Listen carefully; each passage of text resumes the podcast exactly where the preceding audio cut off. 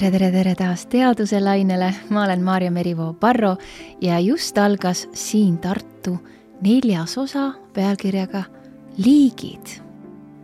maailmas on nii palju erinevaid olendeid, mõned neist sugulased, mõned hõimlased, mõned aga erinevad nagu öö ja päev, mis tegelikult ka tähendab seda, et nad on siiski seotud.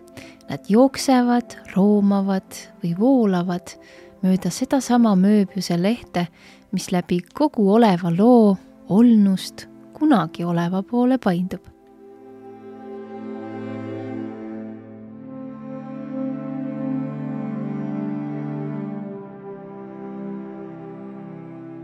Darwinit te kindlasti teate ja olete kursis tema teooriaga liikide tekkimise kohta ja ka sellega endiselt visalt konkureerivate alternatiivsete kujutelmadega olete ka ilmselt kursis, nii et neil teemadel täna ei peatu.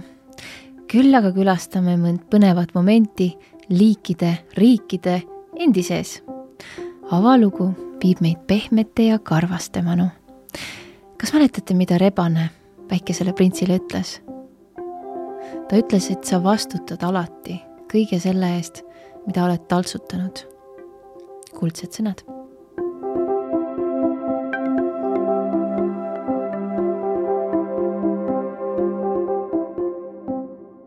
kas olete kuulnud lugu sellest, kuidas nõukogude ajal tehti sügaval Siberis rebastega illegaalseid katseid, mille käigus üritati evolutsioon kiirendatud korras läbi mängida ja metsloomast kodulooma aretada?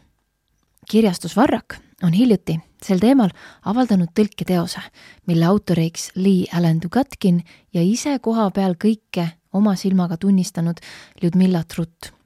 see raamat sattus ka mulle kätte ja suur oli minu üllatus, kui kohe esimeses peatükis siirdub peategelane, põrandaalune geneetik Dmitri Beljajev Moskva-Tallinn rongi peale ja sealt edasi juba bussiga Kohila kanti kohtuma Niina Sorokinaga, kes oli tõuaretaja sealses suures karusloomafarmis. ja kui ma ütlen Beljajevi kohta, et ta oli põrandaalune geneetik, siis ma ei, ei mõtle seda, et Beljajev ise oleks olnud kuidagi põrandaalune tegelane, kindlasti mitte.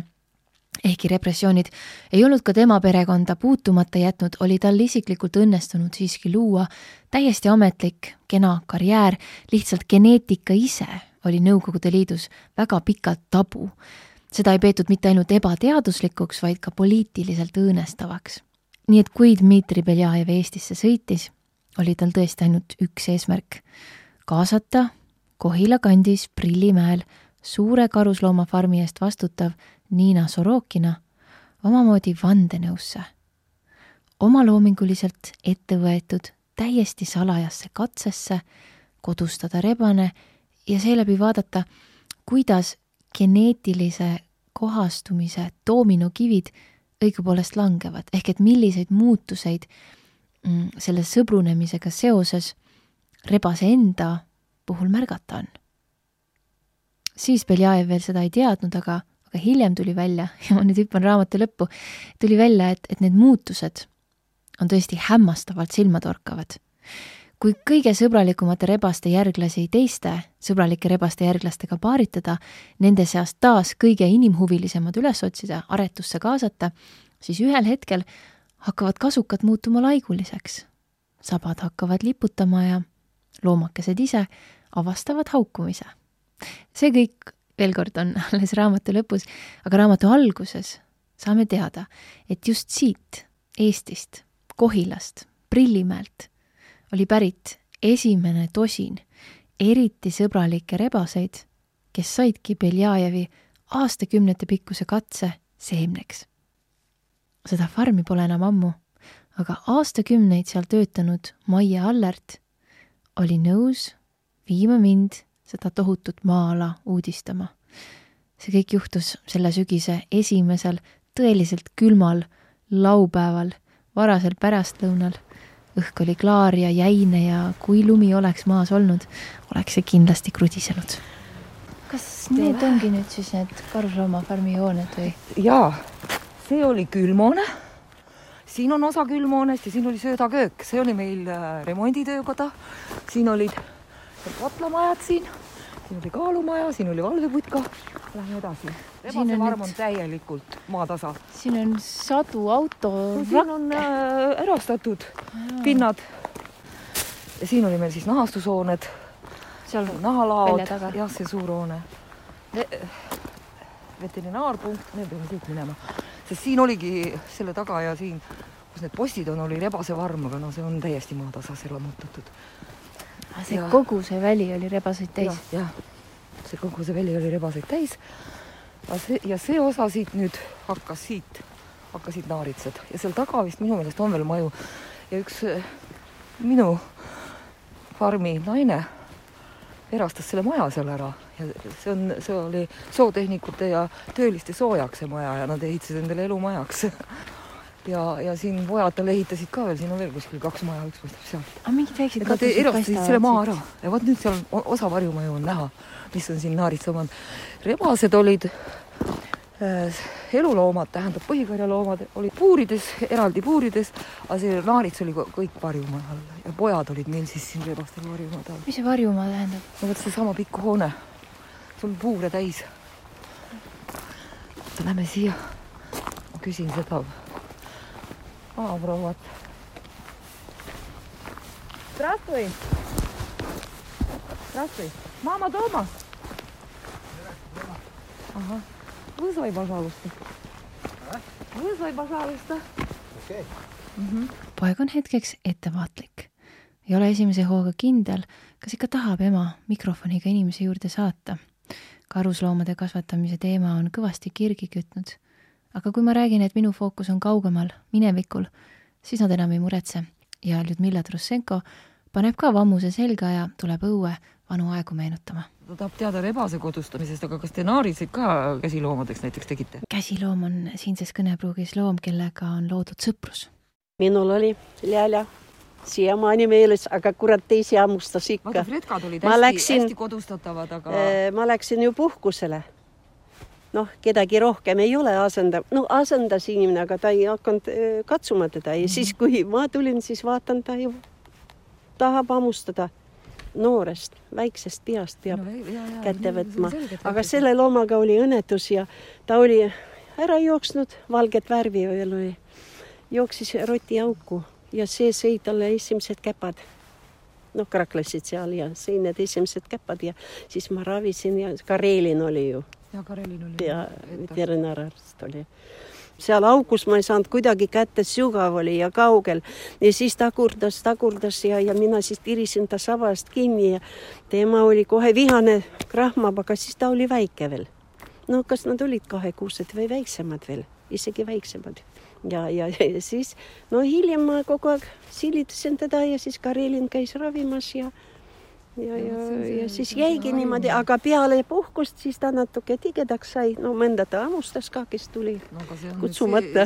ma ütlesin jah, kui ei ole lubatud, siis ärge tulge. et ei tohigi kas... looma kodustada, kui sa tema ühel hetkel unarusse jätad, sest et siis läheb loom kurjaks no,. mis siis no, olid need puhkused, sa ise mäletad, kaks nädalat. aga kas, kas ta elas kodus siis teil või? ei, ei, ei, ei, ei varm on varm, see ei ole. koju meie ühtegi looma viia. ei, ei, ei, sellega ei saa me ise olime nagu loomad haisvad narits ju haiseb, ta laseb seda pritsimist.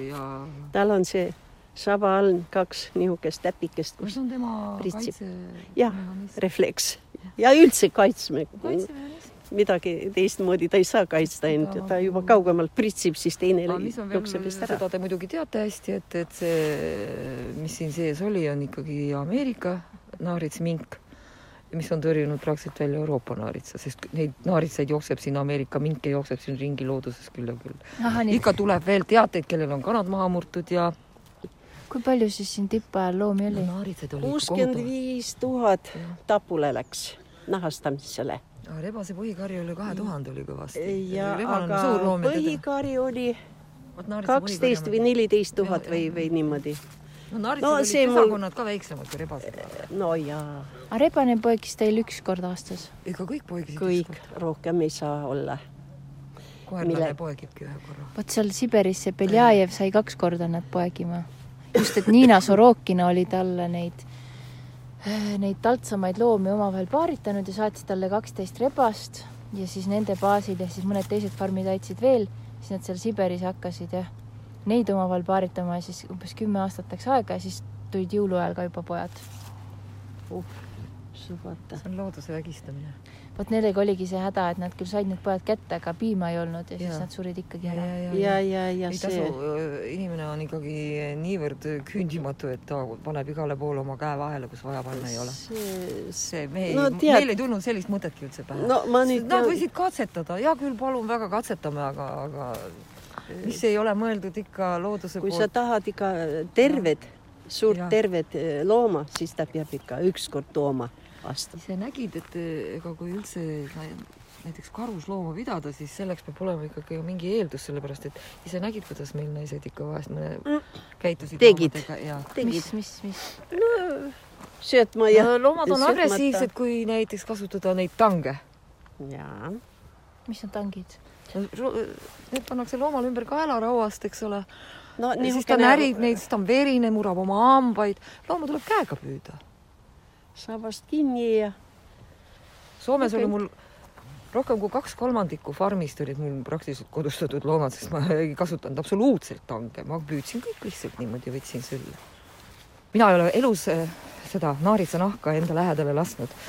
ma ei kanna üldse karusnahka, kuigi me saime siit osta väga soodsa hinnaga omal ajal neid, aga tähendab, tähendab, see on nii kurb asi tegelikult, need loomad on niivõrd armsad, niivõrd ilusad, sa kasvad, sa oled ter-, kuni need pisikesed pojad, sa teed kõik, et, et neil, et nad ellu jääks, et kui on palju poegi, et kuhu panna, millise ema alla, kes võtab, kes ei võta, sest et noh, optimaalne pere on kuskil kümme, kolmteist, mis ema suudab üles kasvatada, aga kui sul tuleb üle kaks, kakskümmend kaheksateist, üheksateist, kakskümmend üle selle, siis me pidime nad teistele, kellel vähem poegi on panema.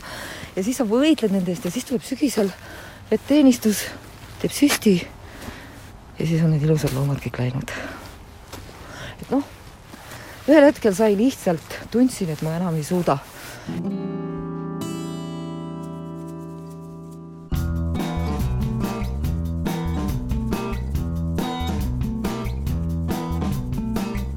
Maie Allert rääkis ka, et käsiloomi, kellega sõprus sõlmitud, ei lubatud kunagi alles jätta.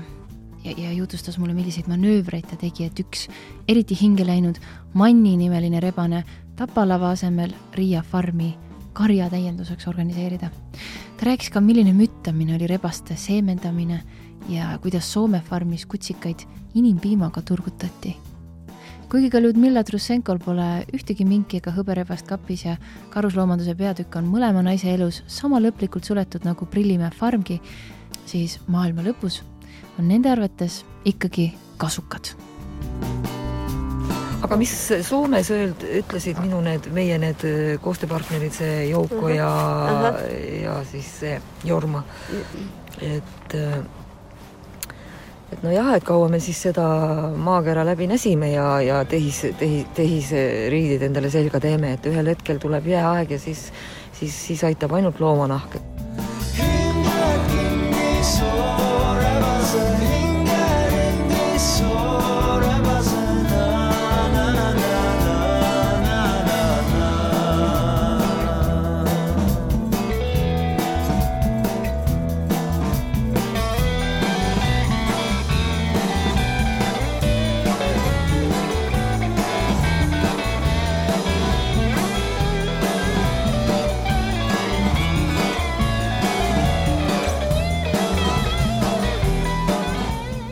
et zoosemiotik Laura Kiiroja sai Kristjan Jaagu stipendiumi ja kolis Kanadasse, külma Nova Scotia provintsi, et Dalhousie ülikoolis just nimelt koerlaste teemal doktoritöö kirjutada ja liikidevahelist kommunikatsiooni edendada.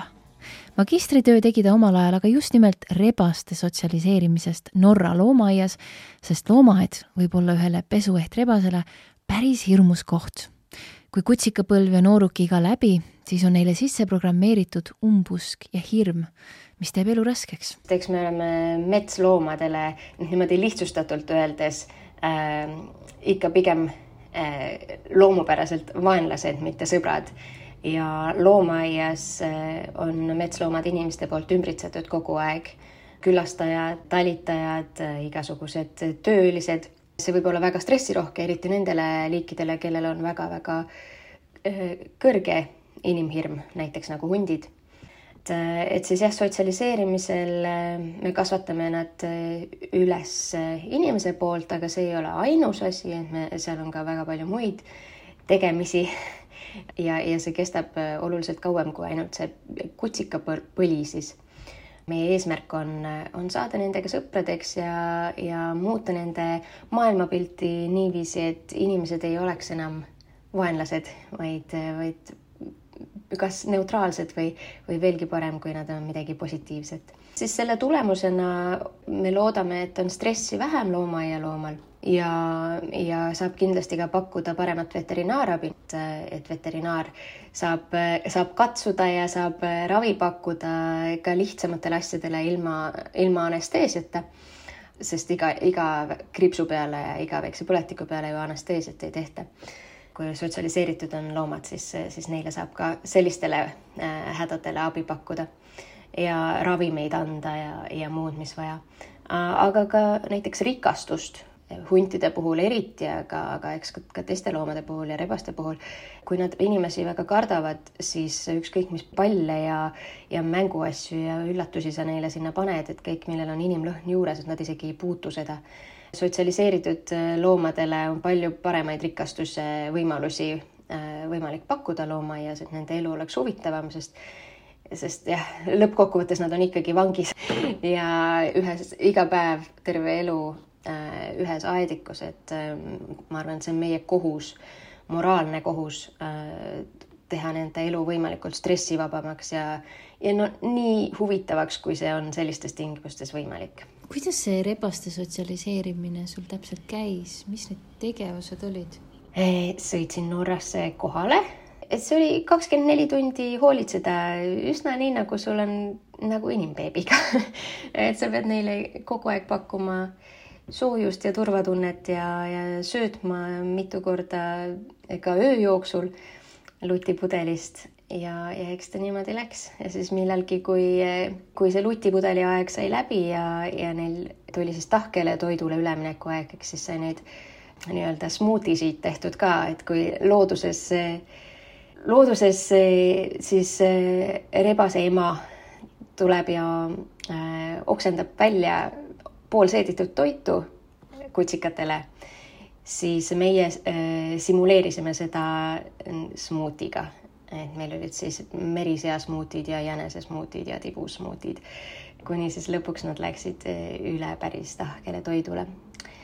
ja terve selle aja jooksul oli ka väga oluline, et me õpetame neile, valmistame neid ette tulevaseks eluks, õpetame neile, et kõiksugu helid äh, igasugused masinad äh,, igasugused lõhnad, igasugused erinevad inimesed, keda nad äh, tulevikus võivad loomaaias äh, kohata.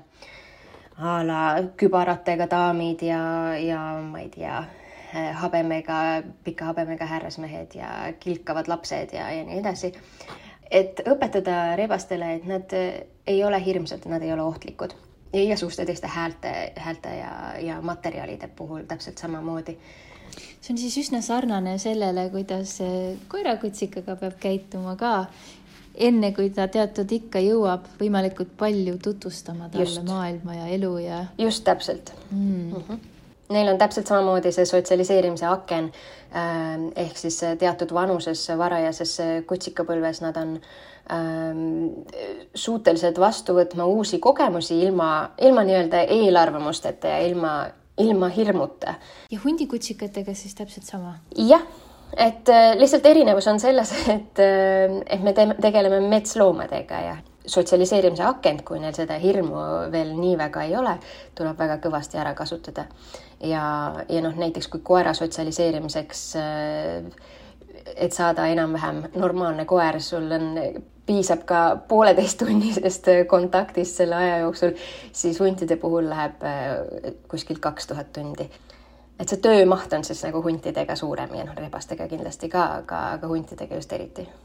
aga mille poolest siis nende elukombed või tahtmised ja käitumine just vabas looduses erinevad näiteks rebaste omast või siis erinevad sellest, mida me eeldame oma koertelt. Sest ma saan aru, et nad on, just koerad ja hundid on vist ikka geneetiliselt nagu maru lähedased. jah äh,, koer on kodustatud hunt äh, põhimõtteliselt lihtsustatult öeldes, neil oli ühine eellane kunagi, ürghunt või, või sedalaadi et ähm, rebastega võrreldes on hästi suur erinevus see, et rebased on äh, solitaarse eluviisiga loomad ja hundid on siis karjaloomad. Rebased on ka keskastme kiskjad ja hundid on tippkiskjad. hundid murravad ena, enamasti suuri saakloomi, vähemalt nad on suutelised ja vajavad suuri saakloomi ja, ja nad äh, väga palju toetuvad selles karjakoostööle, et äh, nad on hästi-hästi sotsiaalsed loomad.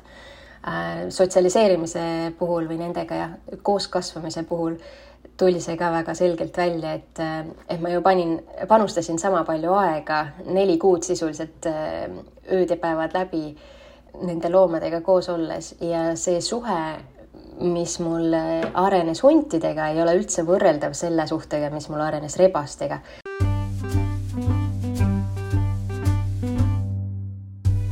et rebastega, noh, nad lõpuks ikkagi olid sellised, jah, me olime sõbrad, aga ega nad nagu ülemäära ka ei hoolinud et kas ma tulin ja, ja kus ma olen.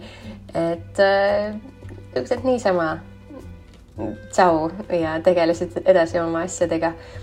aga hundid äh, olid üüratult entusiastlikud iga kord, noh, kuni sinnamaani, et kui ma siis vahel äh, läksin aedikust välja nendega koosolemise ajal lihtsalt selleks, et äh, a la metsatuka taha pissile minna siis, siis nad hakkasid ulguma, sest nad tahtsid, et ma tagasi tuleks.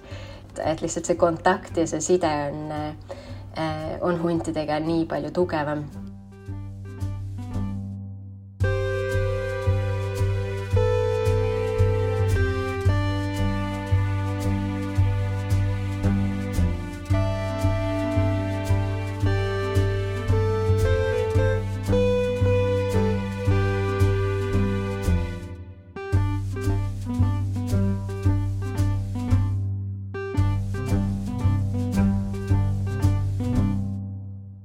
meil Saksamaal siis äh, lõpuks äh, lõppes see programm ära, sellepärast et äh, sealne omavalitsus otsustas, et ikkagi täiskasvanud huntidega ei tohiks sisse minna aedikusse, otsesesse kontakti.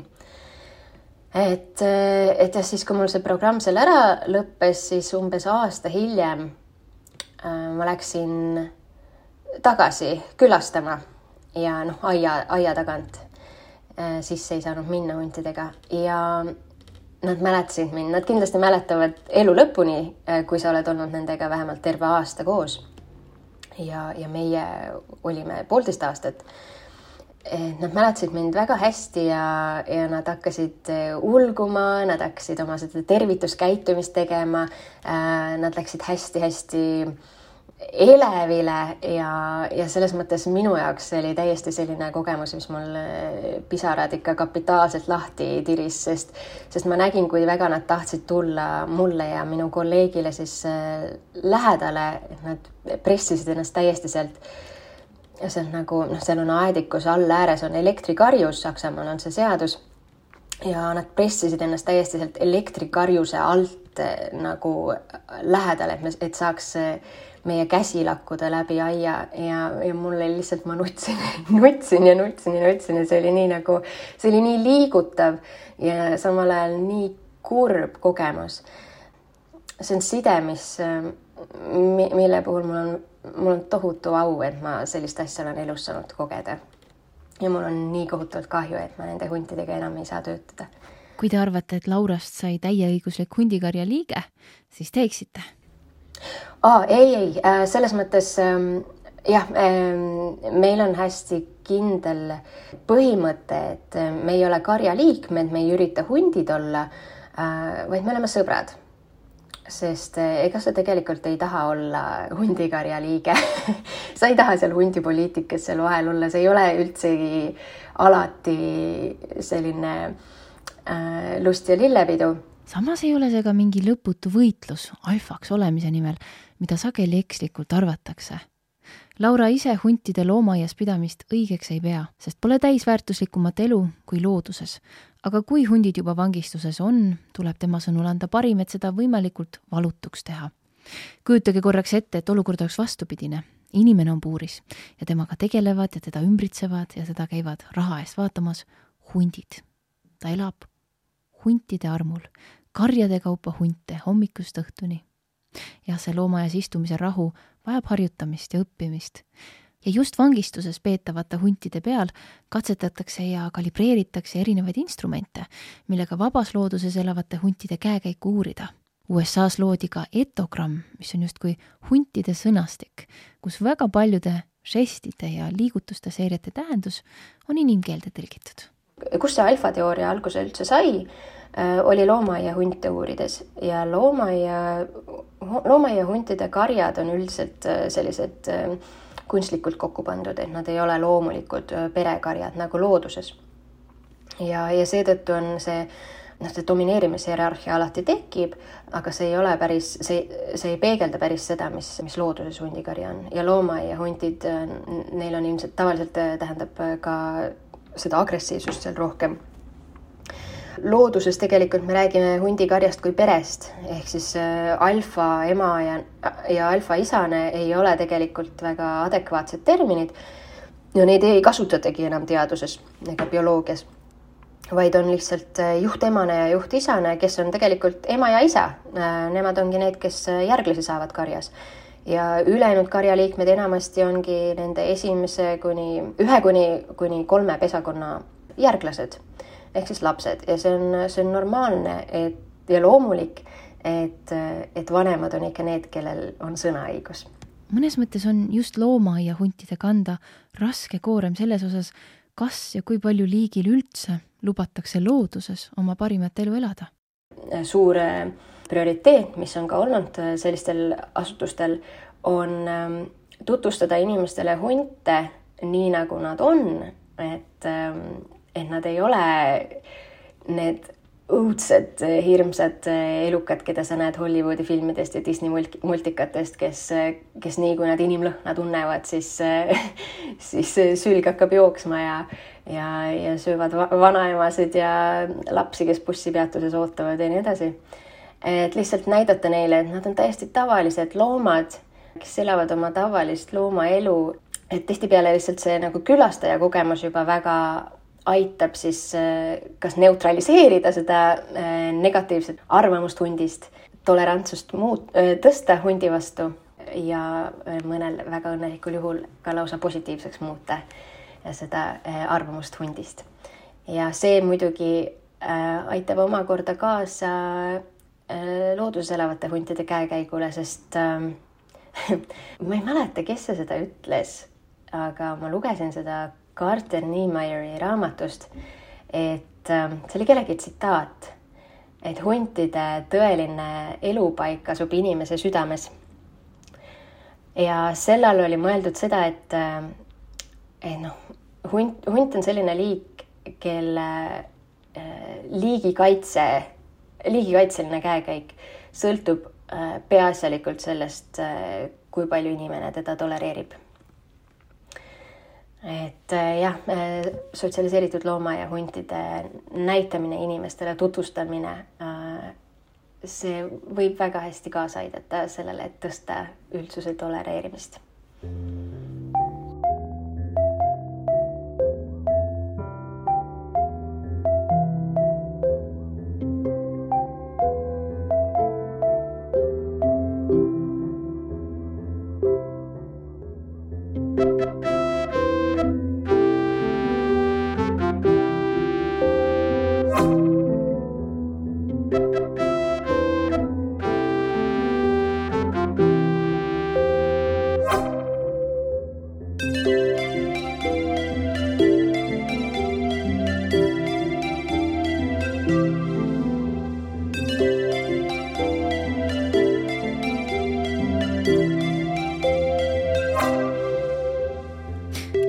arvate, kuhu me nüüd suundume? eks ikka taimeriiki.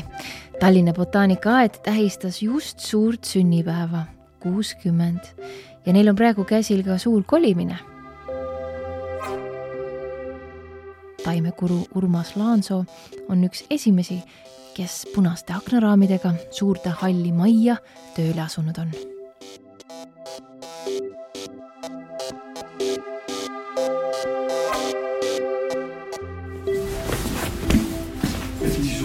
oli seda raske leida seda kohta või, ega see ei paista jaa, see takso sõitis mööda kohe oh,.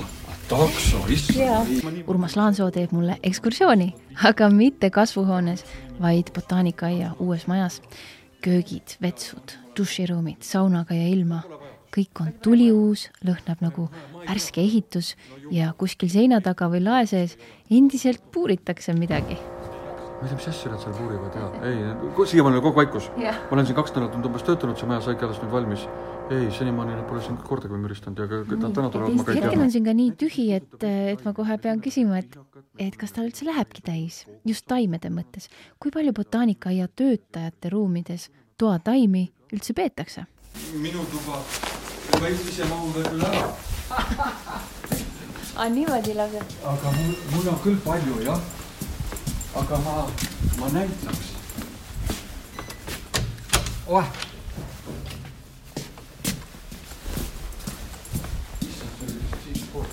ei, see on just sealtpoolt, oi. Neid ruume on nii palju, ma ei ole veel. mul on paar taime ka. oi, oi, oi, siin ikka on. et mul on mõned palmid ja no igast muid asju. et niimoodi. siin ikka on ja kas neil on mingid veel ekstra nimed ka, et Kusti ja Malle ja...? ei niimoodi, ei, ei, ei, aga nendel on oma liigi või sordi nimetused see on näiteks jube huvitav Uus-Meremaa linnutapja puu. ja et tema bioloogia või strateegia on selline, kui seeme saab valmis, siis lind tuleb seda uudistama, sest see natukene läigib päiksega ja nii, aga see jääb linnusulestiku külge kinni, nii et lind mässib ennast sinna sisse ja ei saa enam lennata ja siis kukub maha ja lõpuks sureb ära ja see lagunev siis kõik äh, linnuloomsed valgud on siis sellele arenevale puule, seemnele toiduks, et niisugune kummaline seos, jah, ta ei tapa päris sada protsenti kõiki linde muidugi ära. ehk lühidalt kokkuvõttes, Urmas Laansoo kabinetis on rohelisi seltsilisi palju. aga tegelikult niipea, kui me õue läheme, oleme kõik ümbritsetud sadadest ja tuhandetest taimedest ja, ja me oleme selle stiihia väga rangelt ära liigitanud. inimene on alati püüdnud enda ümbritsevat kuidagi mõtestada, arusaadavamaks teha ja ka klassifitseerida. juba antiikajast alates on püütud, võib-olla ma pean selle välja ütlema, ma ei tea, see piksub. las piksub. hea küll.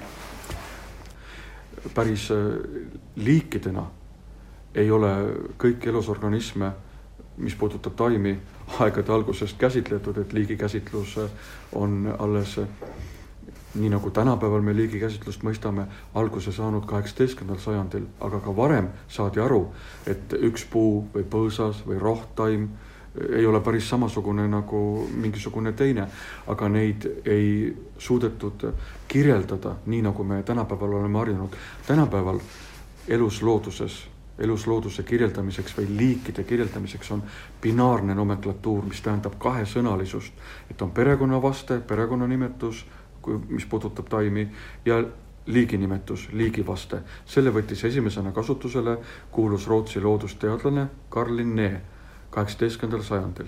tema ise kirjeldas seitse tuhat seitsesada liiki taimi oma teoses, aga hiljem veel rohkemgi juurde. tänapäeval praegu, mis puudutab taimi, neid on päris miljoneid liike ei ole, aga on siiski kakssada seitsekümmend viis tuhat liiki või üle veerand miljoni liigi on taimi.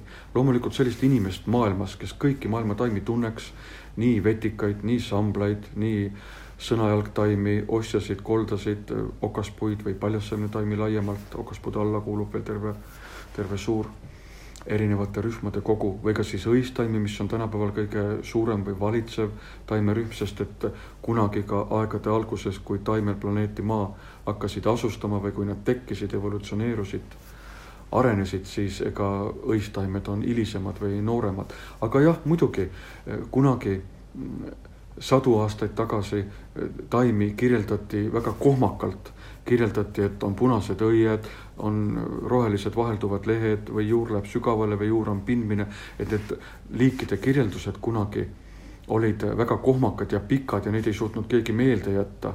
ega kui ma rääkisin ühe riigi inimesega, ta võis midagi aru saada, aga teise riigi inimene ei pruukinud midagi aru saada, selle, selle tõttu see Linnee kasutusele võetud binaarne nomenklatuur ega see ei ole ainult taimi puudutav, see on universaalne, ka loomi kirjeldatakse niimoodi ja teisi organisme ka seeni perekonna ja liigi nimetusena on osutunud väga vastupidavaks ajahambale, on sajandeid püsinud ja see on erakordselt geniaalne, sest see on mugav, kui ma tean ta taime, mina tegelen taimedega siin, kui ma tean taime teaduslikku ehk ladinakeelset nimetust, mis koosneb noh, üldjuhul kahest sõnast, perekonnavaste ja liigivaste, siis on mul väga mugav rääkida inimestega Bangladeshis, Indias, Austraalias, Jaapanis või kus iganes, nad suudavad mõista mind palju kergemini.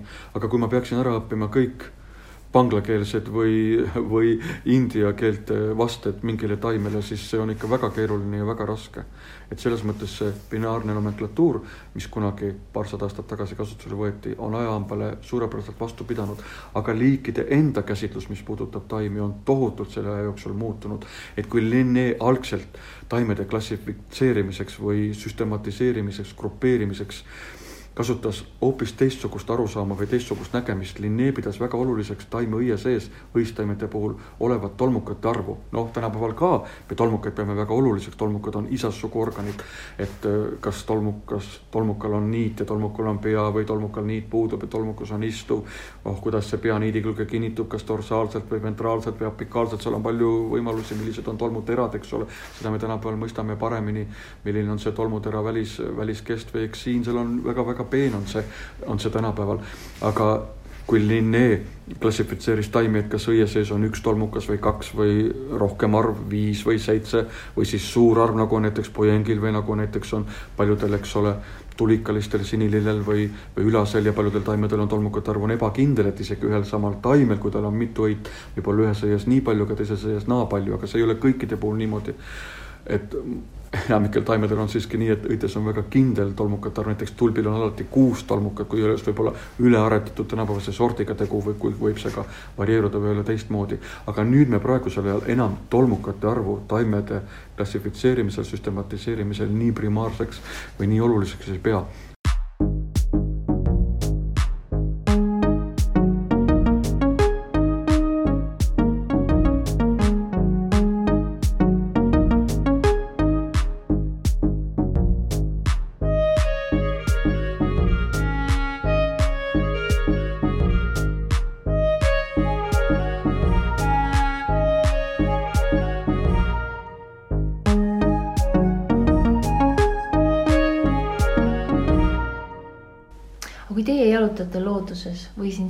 botaanikaaias. kõnnite, näete taimi. kas need nende mm, ladinakeelsed nimetused kohe ründavad teid või? ei, nad ei ründa, nad on ikka minu peas olemas või, või siis ma pean natukene koputama või vaeva nägema, et et meelde tuletada, mis ta võis ladina keeles olla, ei, nad ei ründa mind kindlasti ja, ja aga, aga või võib-olla pisut kurb on see, et ega enamik inimesi isegi, kelle käest nõutakse õppe, õppetöö või õpitulemuse aga kõige tavalisemate taimede teaduslike ladinakeelsete nimetuste teadmist, siis eh, ega sageli inimesed ei tea, ei tea nende nimetuste tähendusi. ega alati neil ka võib-olla tähendust ei ole, mõnikord on, on see ka kunstlik. näiteks üks Lõuna-Ameerikas Boliivias kasvav kaktuse perekond Lobivia, et see on tuletatud Boliivia nimest, et silbid on ümber vahetatud, Boliivia, Lobivia on niimoodi saadud, et alati nimel ei ole sellist võib-olla väga, väga arusaadavat tähendust, et nimesid tuletatakse, no väga sageli tuletatakse kohanimedest, kus see taim avastati näiteks üks selline väga haruldane puu, kelle nimi on Vollemia, keda peeti välja surnuks, kes oli teada olnud kivististena, kuni ta leiti ühel ilusal kevadpäeval Austraalias, kümnendal septembril tuhande üheksasaja üheksakümne neljandal aastal, ma rõhutan, et kevadpäeval, kuna Austraalias saab, septembris algab kevad meil, eks ole, sügis. ja tema sai endale nime hoopiski selle, selle ala järgi, kus ta leiti, Vollemi rahvuspark, et Vollemi rahvuspargi järgi, kus ta, kus ta, kus ta kasvas või kus ta leiti või avastati, tuhande üheksasaja üheksakümne neljandal aastal sai ta endale nime Vollemia aga alati ei ole niimoodi, sageli ka inimese järgi pannakse nime, kas, kas inimese mälestamiseks, inimese auks, näiteks Rootsi rahvustaim Harakuljus, loodenikes Linnea. Linnea on pandud siis kuulsa Root-, Rootsi, eks ole, botaaniku ja, ja loodusteadlase Karl Linné auks et neid, selliseid näiteid on tohutu palju, näiteks selline väga tuntud taim, keda meil toataimena või potitaimena kasvatatakse, Aafrika kannike, St Paul ja aga ka Paulik on tema ametlik nimetus, on saanud ka nime siis inimese järgi ja St Paul, püha Paul, jah. sest on nii palju neid legende selle kohta, kuidas läks kunagi üheksateist sajand või kakskümmend sajand sihuke heroiline taimemees läks kuus nädalat ei maganud, siis tal olid kõik difteeriad ja tüüfused ja siis ta ainult korjas ja kirjeldas ja see kõik on muinasjutt. ei, see ei ole muinasjutt, see vastab ka tänapäeval veel täiesti tõele, näiteks selliseid piirkondi, kus ka ei ole ühtegi teed, ühtegi rada, ei pääse ei helikopteriga ega lennukiga maanduma, vaid tuleb ka paadiga sõita mööda, mööda siis džunglijõgesid ja võtta kaasa nädala või kahe nädala või kuu aja toit ja taluda kõike seda, eks ole, et sul ei ole võib-olla mõnusaid, moodsaid magamisvõimalusi ega pesemisvõimalusi, sa pead sööma seda, seda kui, kuiva toitu või, või seda võib-olla ka natukene siis töötlema või, või keetma ja sa pead siis tulema toime kõiki nende kaanidega ja madudega, sääskedega, kes sind piinavad, et ei, see ei ole tänapäeval lõppenud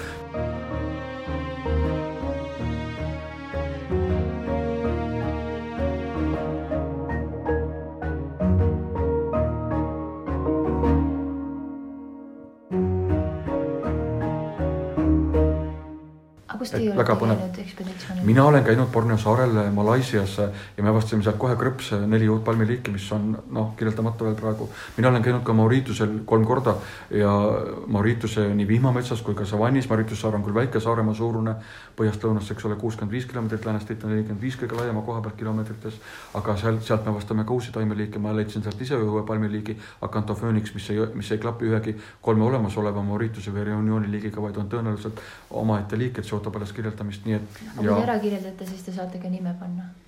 Äh, kirjeldajal on jah, selline privileeg või au panna siis nimi, muidugi seal on rahvusvahelised reeglid, eks ole, see diagnoos peab olema ladinakeelne, nimetamisel on kindlalt reeglid, päris, päris, päris kõike, mis võib-olla pähe tuleb või sülg, sülg toob, ka nii ei ole. aga noh, me teame seda ja aga teil on juba ideed olemas. No eks ma kindlasti natukene olen selle peale mõelnud ja et, et mis üldse kõne alla võib tulla või niimoodi ja uurisin, et kui mõni sellesama praegu käiva podcast'i kuulaja äkki sooviks äh, mõnd Urmase avastatud ja seega Urmase nimetada olevat palmi kellegi oma kalli järgi ristida, paluda, et mitu kasvuhoonet tuleks siis Tallinna botaanikaaiale sellise rõõmu eest annetada. Urmas arvas, et nii sirget teed tema välja teenitud au äraostmiseks ei ole ma, ma ei saa niimoodi öelda, et maailmas kordagi nii pole tehtud, sest inimeste järgi või auks on väga palju taimi nimetatud. näiteks üks viimane selline huvitav leid tuligi Madagaskarilt, on üks tüpsis aanja Anja tule, Anja siis inimese nime järgi ja, aga, aga äh, see Anja on üks Taani etnobioloog või etnobotaanik täpsemalt öeldes, kes ei, kes ei tundnud taimi mitte niivõrd hästi, aga kes uuris malakasside, Madagaskari kohalike elanike äh, seoseid loodusega, et mida, milliseid taimi nad söövad, milliseid nad kasutavad loomasöödaks, millistest nad teevad süüa, kui on peavalu, mida nad kasutavad ravimiks. ja siis tuligi niimoodi välja, et Madagaskari savannis kasvas üks haruldane palmiliik, mis oli senimaani kirjeldamata, see juhtus alles kahekümne esimesel sajandil sajandil, kahe tuhande seitsmendal aastal. ja siis palmiteadlane John Transfield, kes elab muidu ise Inglismaal ja Londonis, siis äh, sai sellest palmist siis mingi lehe ja kõik vajalikud organid, mis on vaja kirjeldamiseks, üldiselt ikkagi viljad ja õied on väga tähtsad, aga see ei ole väga suur puu. et siis, äh, siis kirjeldas selle, selle leidja järgi, et ta sai nimeks Tüpsis Anja ehk Anja pisipalm, ta on selline võib-olla meeter kakskümmend, meeter viiskümmend kõrge, sulgeline ilus haruldane palmikene, näiteks ma suhtlesin selle Taani bioloogi Anjaga, et, et ma tahtsin pilti saada palmiraamatusse avaldamiseks ja noh, me saime, saime hästi omavahel läbi ja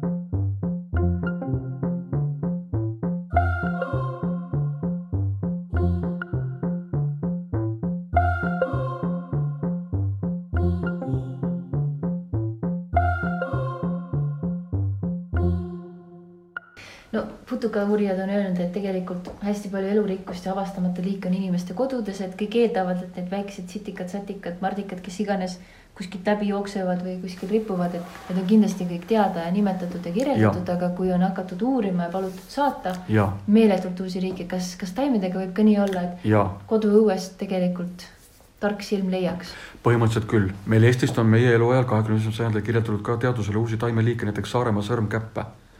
Dactylorhizia ossiliensis on teadusele uus liik kirjeldatud alles meie eluajal, kahekümnendal sajandil Eestist, et noh, ja me arvame küll nii ja Eesti muidugi ka on suhteliselt hästi läbi uuritud, aga mitte sada protsenti.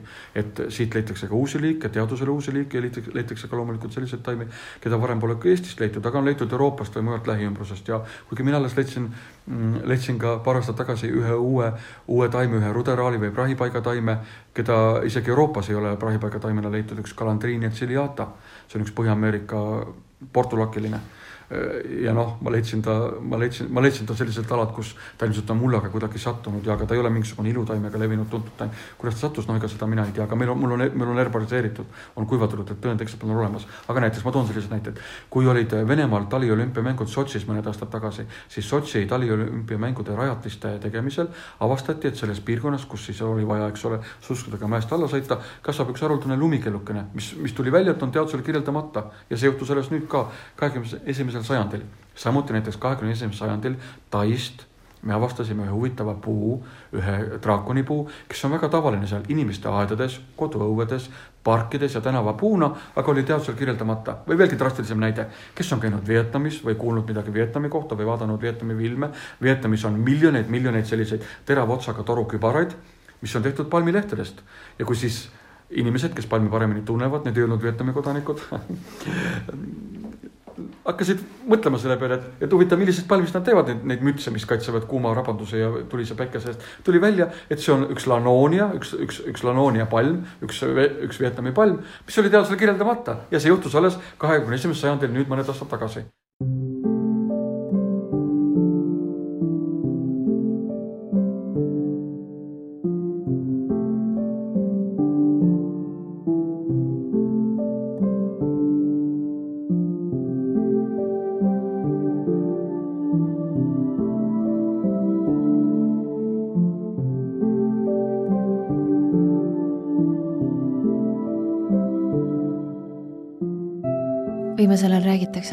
liikide väljasuremisest ja sellest, kui oluline on alal hoida ja toetada elurikkust nii taimeriigis kui loomariigis, seeneriigis, mikroorganismide maailmas. vähem räägitakse ja mõeldakse sellest, mis meile peeglist vastu vaatab. sellest, et üks pikk ja järjekindel väljasuremine on ka meie enda geenidesse sisse kirjutatud me oleme ainus inimliik pikas ja põnevas inimliikide arenguloos, viimane, kes veel seisab üksi.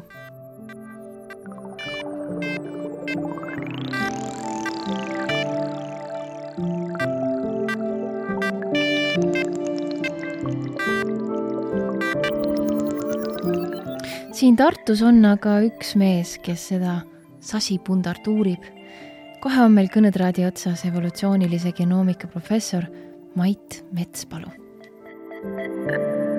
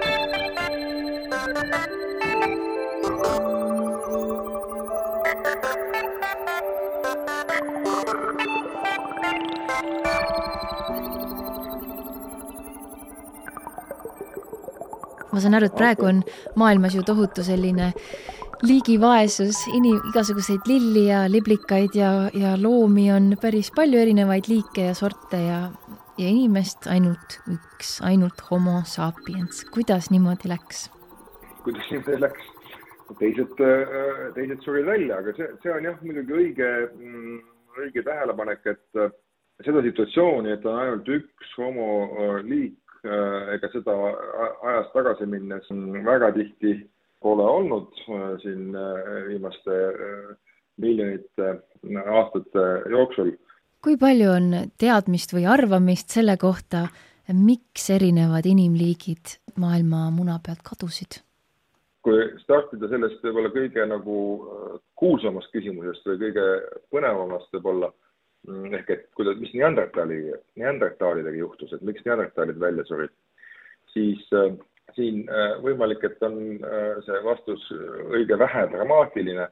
Mm, ehk et, äh, et me nagu assimileerisime nad, et neid oli suhteliselt äh, vähe võrreldes äh, inimese populatsiooniga ja, ja veel väiksem oli tegelikult nende siis efektiivne populatsiooni suurus ehk siis nende geneetiline mitmekesisus mida on selgelt näha, on see, et, et kui nüüd see segunemine inimese ja Neandertali inimese vahel toimus, et siis äh, toimus hästi kiire looduslik valik Neandertali osakaalu vähenemise suunas nende segunenud inimeste siis genoomides. ehk et Neandertali osakaal mõni põlvkond peale segunemist oli palju suurem kui näiteks siis sada põlvkonda peale segunemist see tuleb sellest, et, et kuna Neandertali efektiivne populatsiooni suurus ehk siis tegelikult noh, ütleme, geneetiline mitmekesisus oli väiksem.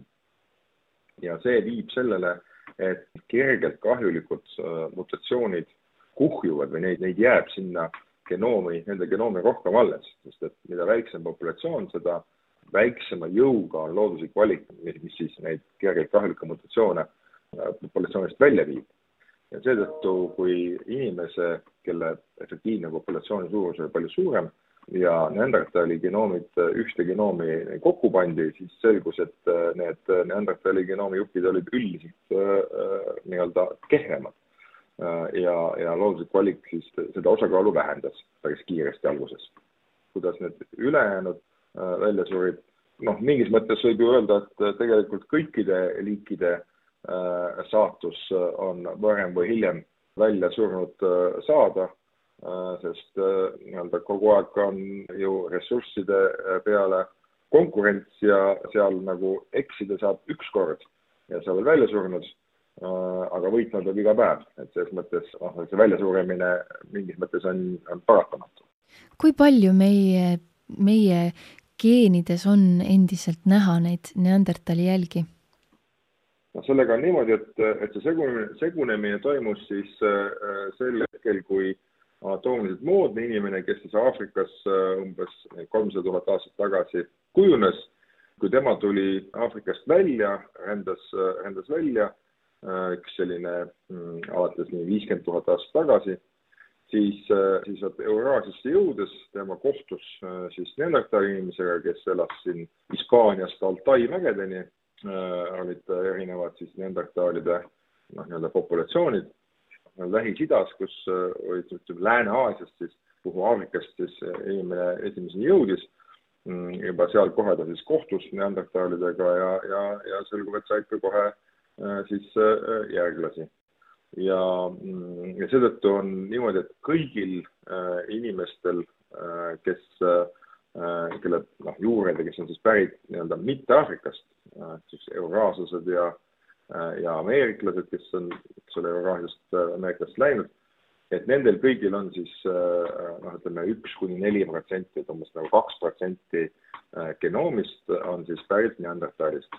ehk et põhimõtteliselt kõik, kes on pärit Eestist, on natuke Neandertalid. aga see ei ole ka kogu lugu, et, et tegelikult oli veel üks teine ütleme siis liik või alamliik inimesi, keda kutsutakse eh, Denissi koopa järgi, kust need eh, säilmed on leitud, eh, siis Denissova inimesteks, kes on siis neandertaalide, ütleme selline sõsarliik ja, ja nendega inimesed ka segunesid, aga peamiselt siis need inimesed, kes täna elavad näiteks Papua-Uus-Guinea saarel kui siis näiteks Filipiinidel Luzoni äh, saarel on paar hõimu mm, ja ka Austraalia põliselanikud kuuluvad nende hulka, kellel on siis selged jäljed äh, ja isegi mitte ühe, vaid vähemalt kahe, kui mitte kolme äh, Denissova inimese populatsiooniga ristumisest. Ja neil on neid nii-öelda seda genoomi osa on ka palju suurem, mis, mis siis nendest Denissu inimestest pärit on, et see on selline viis-kuus protsenti. lisaks siis on neil ka see Neandertali kaks protsenti. milline oleks maailm, kui ei oleks ainult homo sapiens, kui oleks veel teisi inimliike? no oleks põnevam kui need kaks, kui räägime näiteks potentsiaalselt kahest liigist, kui nad konkureeriksid väga samadele ressurssidele, mida, mida, mida näiteks Neandertal ja, ja inimene noh, tegid, siis tegelikult äh, see äh, noh, koos eksisteerimine ei saagi noh, nagu kesta. no siis seal tekib nii tugev, eks ole, konkurents, et see ei, ei püsi, et noh, kui mõelda selle inimese praeguse liigi peale, mis on vallutanud, eks ole, kogu maakera, siis tegelikult pigem ma ütleksin, et võib-olla on põnev just selline nagu ulmevaldkonda kal-, kalduv arutelu selle kohta, et, kui kaua me püsime ühe liigina, et, et et kas ja millal võiks äh, sellest tänasest äh, inimliigist äh, tekkida mitu. ja ja, ja ma ütleksin niimoodi, et kui meil ei oleks noh, nagu sellist ülemaailmset reisimist ja, ja inimeste liikumist pidevalt, siis oleks, oleks, ma arvan, väga, oleks tõesti noh, paratamatu, et, et tekiksid mingi aja jooksul erinevad liigid, sest et noh, inimese sees on geneetiline mitmekesisus väga selgelt ruumiline, ruumil-, noh, on olemas ruumiline komponent, kuigi enamus mitmekesisusest, mis inimese liigi sees on, ei ole tegelikult ruumiline, ei ole selles mõttes noh, ei ole see, mis eristab näiteks aafriklasi hiinlastest, vaid enamus geneetilist varieeruvust on selline, mis on, mis eristab lihtsalt indiviide omavahel. mida see lause tähendab, on lihtsalt see, et see inimese liik on nii noor, et need lahknemised populatsioonide vahel on nii noored, et äh, enamus varieeruvusest, enamus geneetilisest varieeruvusest on vanem kui populatsioonide lahknemine aga mm, kui anda piisavalt aega ja, ja nagu vähe reisimist, siis, äh, siis on selge, et äh, Lõuna-Aafrika, Kamtšatka ja näiteks Venezuela inimesed, äh, kui nad omavahel ei, ei, ei kohtuks, järglasi ei saaks, siis mingi aja jooksul kindlasti kujuneksid uued eraldi liigid neist. ja üks asi, mis seda soodustab, on ka see, et erinevates kohtades toimub looduslik valik erinevate siis keskkonna Äh, ja mitte ainult keskkonna, vaid, vaid äh, patogeenide tingimuste osas ja tegelikult ka inimese nagu käitumise osas. Äh, näiteks Indoneesias on, on näiteks selline rahvas, keda kutsutakse merenomaadideks, Bahau või Bajau rahvas, kes tegelevad sukeldumisega ja toovad endale nii toitu kui pärleid siis nii-öelda kauplemiseks merepõhjast ja nendel on tekkinud selline noh, läbi loodusliku valiku selline kohastumus, et nad suudavad hinge kinni pidada palju kauem kui, kui teised. ja see kohastumus on neil sarnane näiteks äh, merisaarmastega, et nendel on põrn on äh, oluliselt suurem kui, kui teistel inimestel ja põrn on siis see koht, kuhu saab nagu ladustada hapnikurikast äh, verd ja seda siis seal nii-öelda vee all nii-öelda ringi pumbata. ehk et nii geograafiline, lihtsgeograafiline äh, eraldatus, mis äh, viib siis nii-öelda ütleme juhuslikule eristumisele gruppide vahel, kui ka tegelikult äh, otsene looduslik valik erinevate tingimuste tõttu eri piirkondades viiks äh, varem või hiljem uute inimliikide tekkele. aga muidugi meie eluajal seda ei juhtu selleks kuluks sadu tuhandeid aastaid, võib-olla miljon. kuidas meie ja rebased ja palmid ja kõik need tegelased, kellest me ei jõudnud täna rääkida, pikas perspektiivis vastu peame, seda näitab aeg.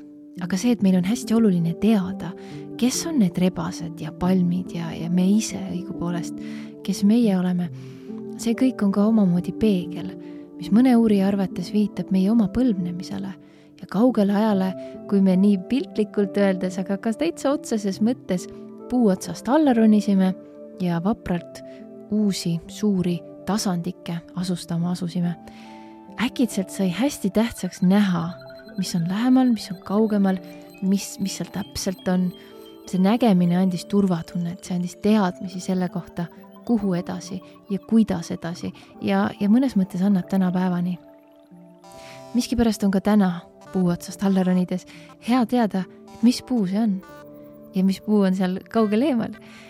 aga mõnikord tundub, et meie suur kirg kõike olevat liigitada on väljunud igasuguse kontrolli alt või õigupoolest see ongi hakanud ise reaalsust kontrollima. meile meeldib kujutada ette ja rääkida nagu poliitika ja kultuur näiteks oleksid kaks eri asja.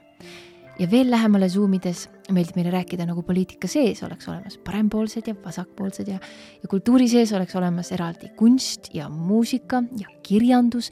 Ja nende sees omakorda impressionism ja punkrock ja draamad, tragöödiad, komöödiad, luule, proosa ja nii edasi.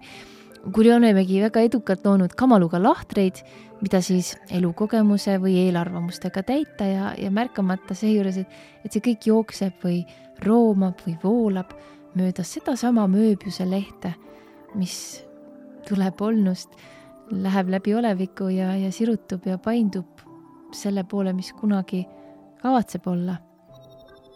ühte kujuteldavasse kastikesse, mis meile homo sapiensidele nii väga meeldib, saame aga kõik koos nüüd ühe linnukese kirja panna küll, sest et Levila teaduspodcast siin Tartu on sedapuhku jõudnud otsakorrale aitäh minuga koos kulgemast, olen Maarja Merivo Parro, juhtisin, toimetasin, monteerisin seda tunnikest. originaalmuusika lõi Janek Murd, aga kasutasin ka Vaiko Epliku pala Soorebased. aitäh kuulamast, Levila kaks tuhat kakskümmend üks